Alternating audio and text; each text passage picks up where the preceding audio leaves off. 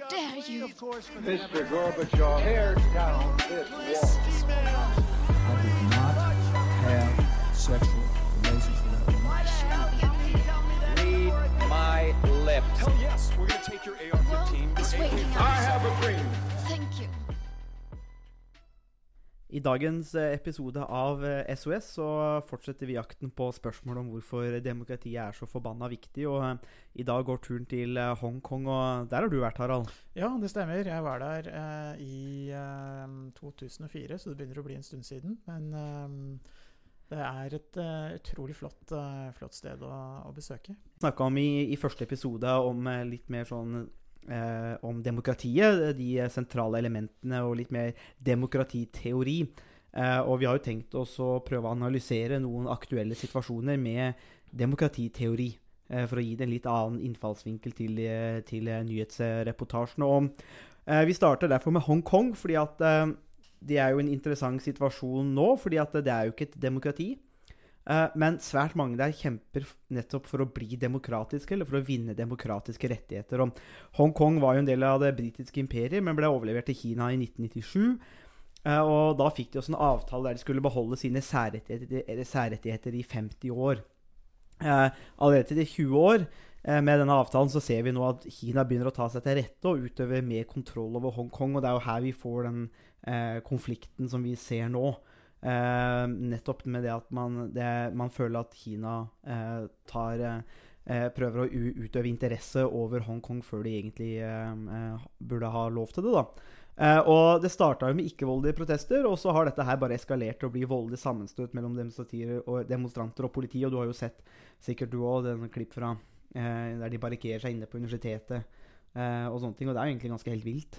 Ja, det er ganske voldsomt. Og uh, de har jo um, Det har jo vært en gradvis uh, oppskalering av Mm. eh, hvor voldelige demonstrasjonene har vært. Mm. Eh, og det har jo vært mye diskusjon om hvem som har skyld i at det stadig har blitt mer og mer voldelig. Og Ja.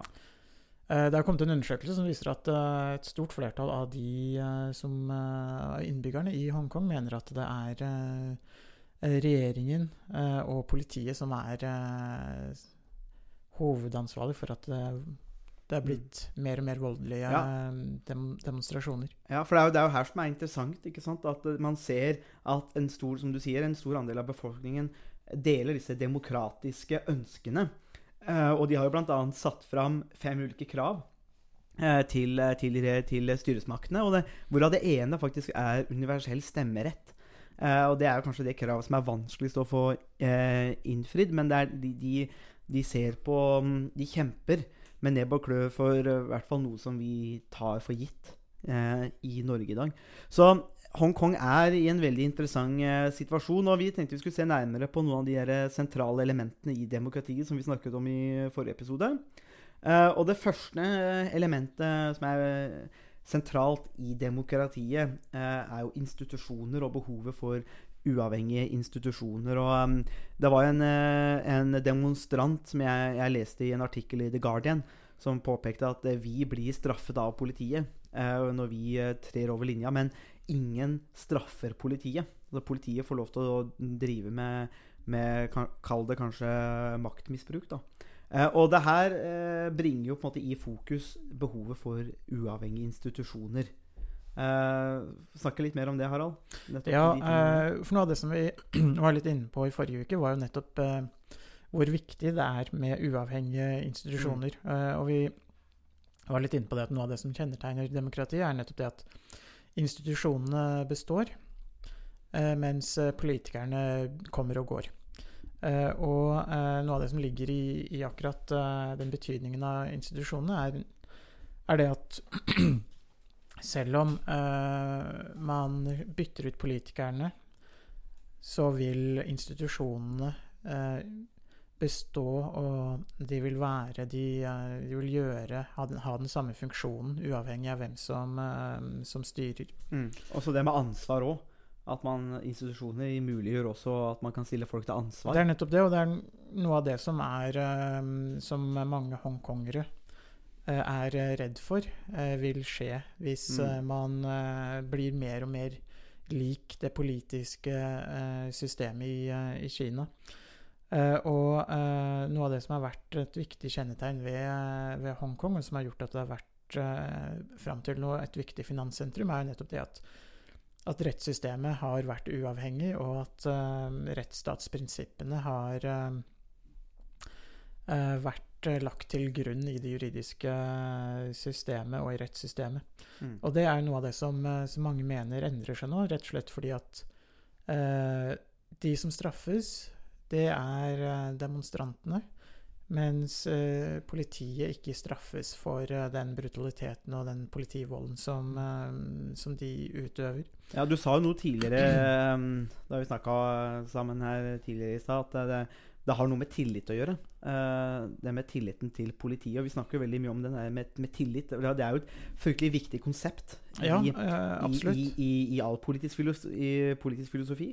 Så um, i, um, i juni så var det bare 6,5% av innbyggerne i Hongkong som eh, hadde liten tillit til uh, politiet, mens nå i oktober så var det 51% som hadde liten eller ingen tillit til eh, Mm. politiet. Så i løpet av bare noen få måneder så ser man at uh, tilliten til institusjonene har endret seg uh, veldig, eh, veldig raskt. Mm, ja, det, for, det- og det er jo eh, også noe som er veldig interessant, nettopp det der med at når man har kommet altså La oss si at man har blitt et demokrati, man har eh, fått opp noen institusjoner, og det her fungerer bra, så er, er det, jo, er, det er jo ikke en statisk situasjon. Eh, tillit eh, og til institusjoner kan brytes ned ganske kjapt. Det er ikke noe gitt at når man først er der, så er det der, liksom. Nei, det er jo ofte en klisjé at tillit er en slags ferskvare. Ja. Og det er jo noe som har blitt gjentatt veldig mange ganger, men det er jo også noe som kanskje har et uh, visst Mm. element av sannhet i seg. Og spesielt når man ser på uh, tilliten til Hongkong-politiet. Mm. Uh, over de, altså utviklingen i altså Hva slags tillit folk har, har til Hongkong-politiet Mm. de siste månedene. Og det er jo også et av de fem kravene som eh, demonstrantene har. Nemlig at eh, de ønsker en uavhengig eh, politi... Eller en uavhengig granskning av eh, politiet. Og det finnes jo allerede i dag en uavhengig granskningskommisjon, men øh, demonstrantene har ikke tillit til at den virkelig vil være upartisk og, og uavhengig, så de ønsker en eh, en uavhengig kommisjon som, Mm. som de har tillit til. Og det understreker nettopp det at tilliten til institusjonene er i ferd med å, å forsvinne i stor grad. Mm, ja, og det er jo ikke noe man bare kan uh, vedta at nå har vi stor tillit. Uh, og, og det er jo noe med det med, med maktmisbruk som er fryktelig viktig. Uh, nå er det jo politiet som på en måte vi, Det er jo en slags klisjé, det òg, men at de, de har monopolet på makt og tvangsmakt i et samfunn. Men det er klart, når den blir misbrukt, eller at man føler at det er ikke mulig å stille noen til ansvar. Og vi, I første episode så, så spilte vi jo av det lydklippet med Tony Benn, den gamle Labour-politikeren. eh, og, og bygde litt videre på det han sa. Nettopp det der med at eh, det siste som er i lydklippet, om hvordan kan vi bli kvitt deg hvis det er noen form for maktmisbruk. Og det er nettopp det der at har man ikke kanaler for å bli kvitt noen som misbruker makten sin, så vil jo det underminere tilliten. Ja, det er nettopp det, og det eh, Det er jo noe av det som er eh, veldig ubalansert i, eh, i eh, disse protestene. For det er jo over 4000, 4400 som har blitt, eh, eh, demonstranter som har blitt arrestert. Mens det kun er, eh, så vidt jeg vet, én politimann som har blitt suspendert eller eh, sikta for maktmisbruk eh, av de 30 000 politimennene som, eh, som er i Hongkong. Så det sier noe om, eh, om proporsjonen her, at det er veldig stor ubalanse mellom eh, demonstrantene og politiet når det gjelder hvilken grad eh, maktmisbruk og vold vil, bli, eh, vil få konsekvenser. Ja, det er jo også en, en, en, en, juridisk sak her hvor man ser at de har eh, gått fra å kalle demonstranter som demonstranter til, også til opptøyer, eh, og i en viss grad også har prøvd å kalle det terrorisme. Eh, og, for, og for oss som eh, jobber med eller som studerer terrorisme til daglig, så er det jo er det jo egentlig bare tull. Det, det er jo ikke terrorisme det er snakk om. Men juridisk så muliggjør det jo en, en mye hardere hånd eh, og en reaksjon, streng, mye strengere reaksjon fra politiet når man oppskalerer eh, hva demonstrasjonene sier. Og det er ikke overraskende at eh, demonstrantene og politiet og myndighetene er uenige om hva som egentlig foregår. Eh, og det er også interessant å gå på YouTube. Jeg var inne og så litt for å se klipp der, og man ser ulike nyhetskilder. Og det var noen eh, regimevennlige kilder på YouTube, er regimevennlige til Kina, som viste hvordan, eh, hvordan eh, store ja, militærbiler, tanks, politibiler, blei kasta stein på. Hvordan det her var opptøyer som underminerte Hongkong. Så det er en, sånn, en, en kamp om virkelighetsforståelsen som er, som er veldig interessant. da. Eh, men et annet eh, viktig element som vi snakka om i forrige episode, var jo det med deltakelse. Nå ser vi jo en form for deltakelse, politisk deltakelse med demonstrasjon. Det er jo en, er en form for politisk deltakelse, det òg. men et viktig element eh, som de kjemper for, er nettopp det der med universell stemmerett. Altså det å faktisk få lov til eh, å delta i, i valgene. Hvorfor tror du det er så viktig for eh, innbyggerne i Hongkong? Eh, det kan nok være viktig av flere grunner. Én grunn er nok at de, eh, de ønsker ikke at eh, Hongkong skal nærme seg det politiske systemet eh, man har i resten av Kina. Og um, makthaverne i Beijing ønsker jo i veldig stor grad nettopp at uh, Hongkong skal nærme seg det politiske systemet i, eh, i Kina. Og det har gjort at de håndplukker eh, de kandidatene som skal, eh, skal være lovgivere i, eh, i Hongkong. Mm. Og eh, innbyggerne i Hongkong, de eh, er eh, De ønsker ikke den utviklingen. De ønsker å kunne velge sine egne representanter. Mm. Eh, men det vil være et veldig vanskelig krav å gå med på for, eh, for Beijing og Kina. Rett og slett fordi at da vil man kun, kanskje kunne se at eh, den type krav vil spre seg til andre kinesiske byer. Eh, og i tillegg så betyr det også at eh, man vil opprettholde en del av de frihetene og rettighetene man, eh, man har i Hongkong i dag, som ytringsfrihet og mulighet til å, til å ha en mye større grad av, mm. av, eh, av frihet enn det man finner i, eh, i, eh, i Kina. Så eh, det, det vil være omtrent umulig å Ja. gå med på det, det kravet. Eh, og eh, for, for Kina, og spørsmålet er jo hva, hva man kan oppnå med et sånt krav fra demonstrantene sin side også. Mm, ja, det er jo, så jeg jeg, jeg syns jo det er interessant på en måte. Det er jo altså Krav om deltakelse, det har vi jo Vi er, det, vi er jo bare litt over 100 år eh, siden det, ja, kvinner fikk stemmerett eh, i Norge.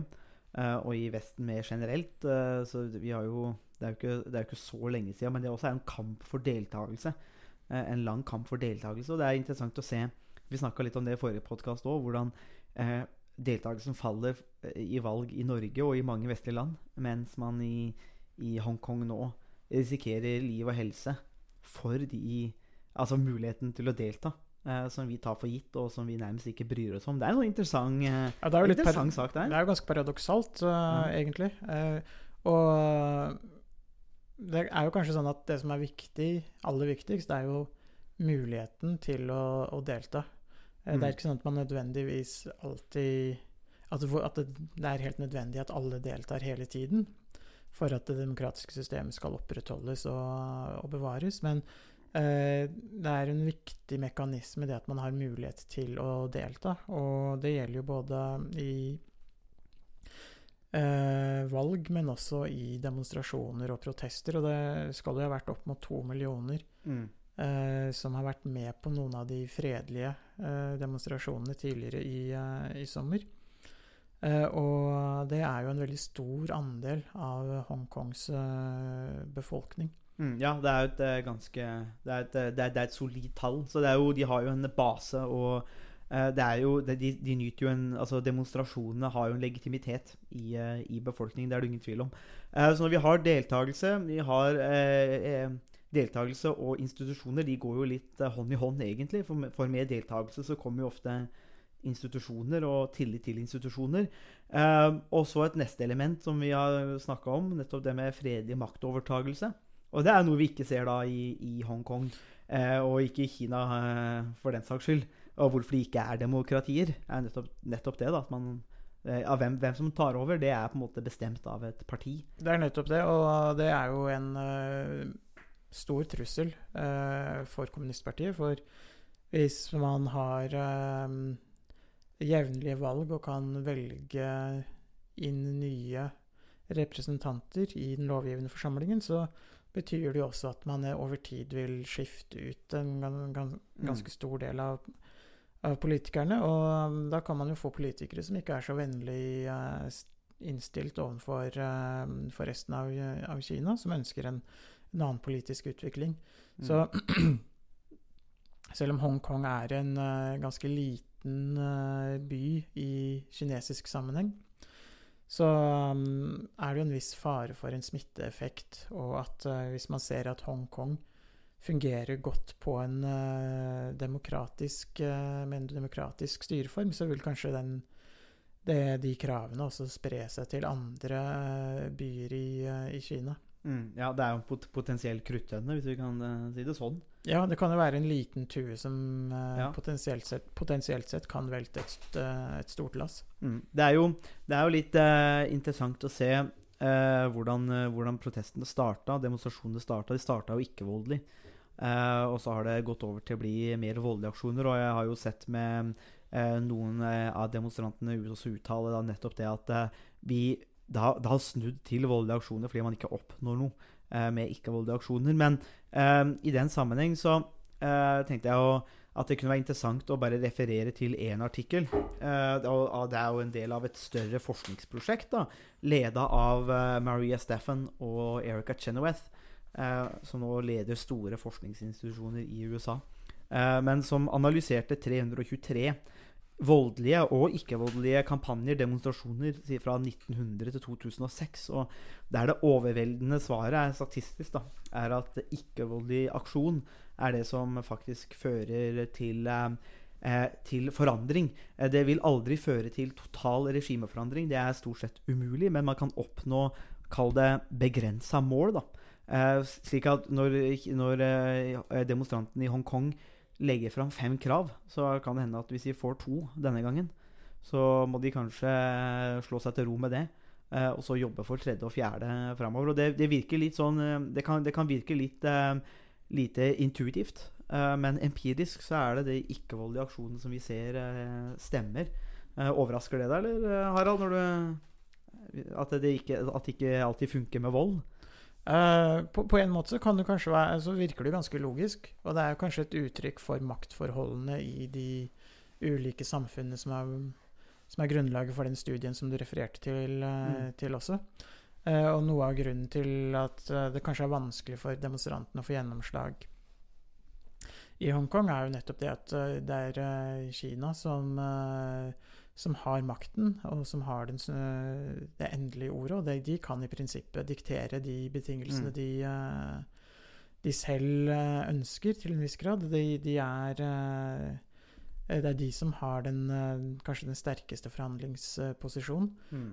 og eh, en del ikke-voldelige protester sånn generelt kan jo kanskje kunne eh, få veldig bred støtte blant befolkningen, og det kan, eh, kan i noen sammenhenger gi et veldig sterkt press som gjør at makthaverne må, Mm. må gi noen uh, konsesjoner, ja, eller- gi noen innrømmelser. Innrømmelser, ja. Uh, mens uh, når det gjelder den type sterke autoritære stater som Kina, så er det kanskje mindre De har kanskje mindre Mm. mulighet og mindre De min, i min, trenger i mindre grad å gi noen innrømmelser. Ja. Og i den, eh, hvis vi da utleder det, det poenget der inn til en, eh, en, en siste diskusjon, eh, som er ganske interessant, for spørsmålet er jo her er, her, er det kanskje opp mot to millioner mennesker som ønsker demokrati, kjemper for demokratiske rettigheter, og det er jo ting vi tar for gitt. Og spørsmålet er da hvor er Vesten i det her? Hvor, hvor er vestlige land? Eh, glimrer litt med sitt fravær? Vi, vi, vi, ser, vi ser ikke noe klar uh, holdning fra vestlige land som støtter uh, demokratiforkjempere. Noe man kanskje skulle tro var naturlig. Altså, vi gikk jo til krig i Irak for å fremme demokratiske verdier og lage og, og, og gjøre sånn at Irak ble en beacon of democracy i Midtøsten. Men da, man kan jo, man kan jo, det er jo interessant å, å, å stille spørsmålet hvor er vestlige land? Ja, det er jo et veldig godt spørsmål, og det er jo eh, et stort paradoks. Stort sett alltid når eh, autoritære Eller når man, når man ser, et, eh, ser krav om mer demokrati i mange autoritære regimer, så vil jo Vesten være veldig raskt ute med å komme med, med støtte både politisk og moralsk og på alle andre mulige måter. Eh, og det, er, det ser man jo i veldig liten grad når det gjelder eh, demonstrasjonene i, uh, i Hongkong. Mm. Hvorfor tror du det?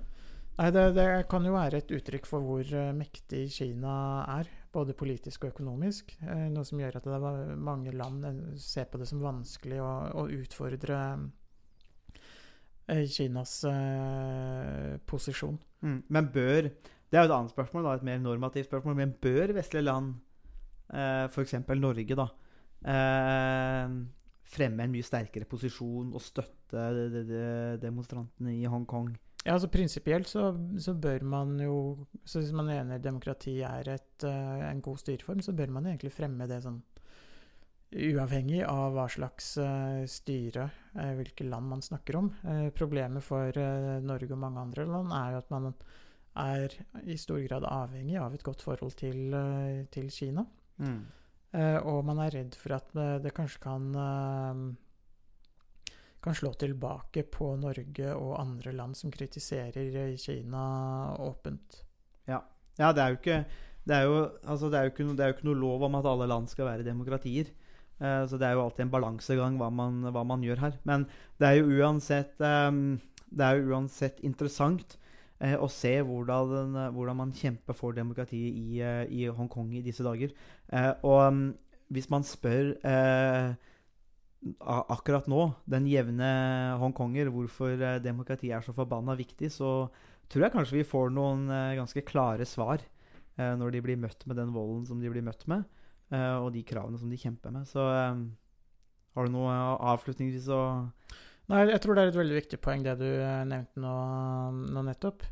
Eh, hvorfor demokratiet er, eh, er, forbanna, er så forbanna viktig, er jo nettopp fordi at hvis man ikke har det, eh, så, så vil man eh, kunne bli offer for den type eh, maktmisbruk eh, Mm. og som eh, demonstrantene i Hongkong protesterer mot. mm. Demokratiet er kanskje ikke så veldig effektivt som en styreform og eh, får ting gjort alltid, men det er i hvert fall en eh, måte som man kan eh, unngå eh, maktmisbruk på, og korrupsjon og en del andre mm, negative trekk. Ja, og så er det jo avslutningsvis Det er jo noe fundamentalt verdifullt i det at alle mennesker har lov til å si noe og være med å bestemme over sin egen hverdag. Eh, og det er vel kanskje nettopp det som er den store verdien i demokratiet. da, At vi tross alt blir gitt den verdien som mange andre mennesker blir nekta. Absolutt. Det er, eh, er kjempeviktig. Takk for at du hørte på denne episoden av SOS. Hvis du likte det du hørte, så setter vi stor pris på om du vil dele podkasten med venner og bekjente. Eh, Vi tar gjerne imot spørsmål, og adressene for elektronisk post ligger i beskrivelsen. Musikken var komponert av Robin Horvath, og neste episode kommer om én en uke sånn cirka. Vi høres! And change is coming whether you like it or not.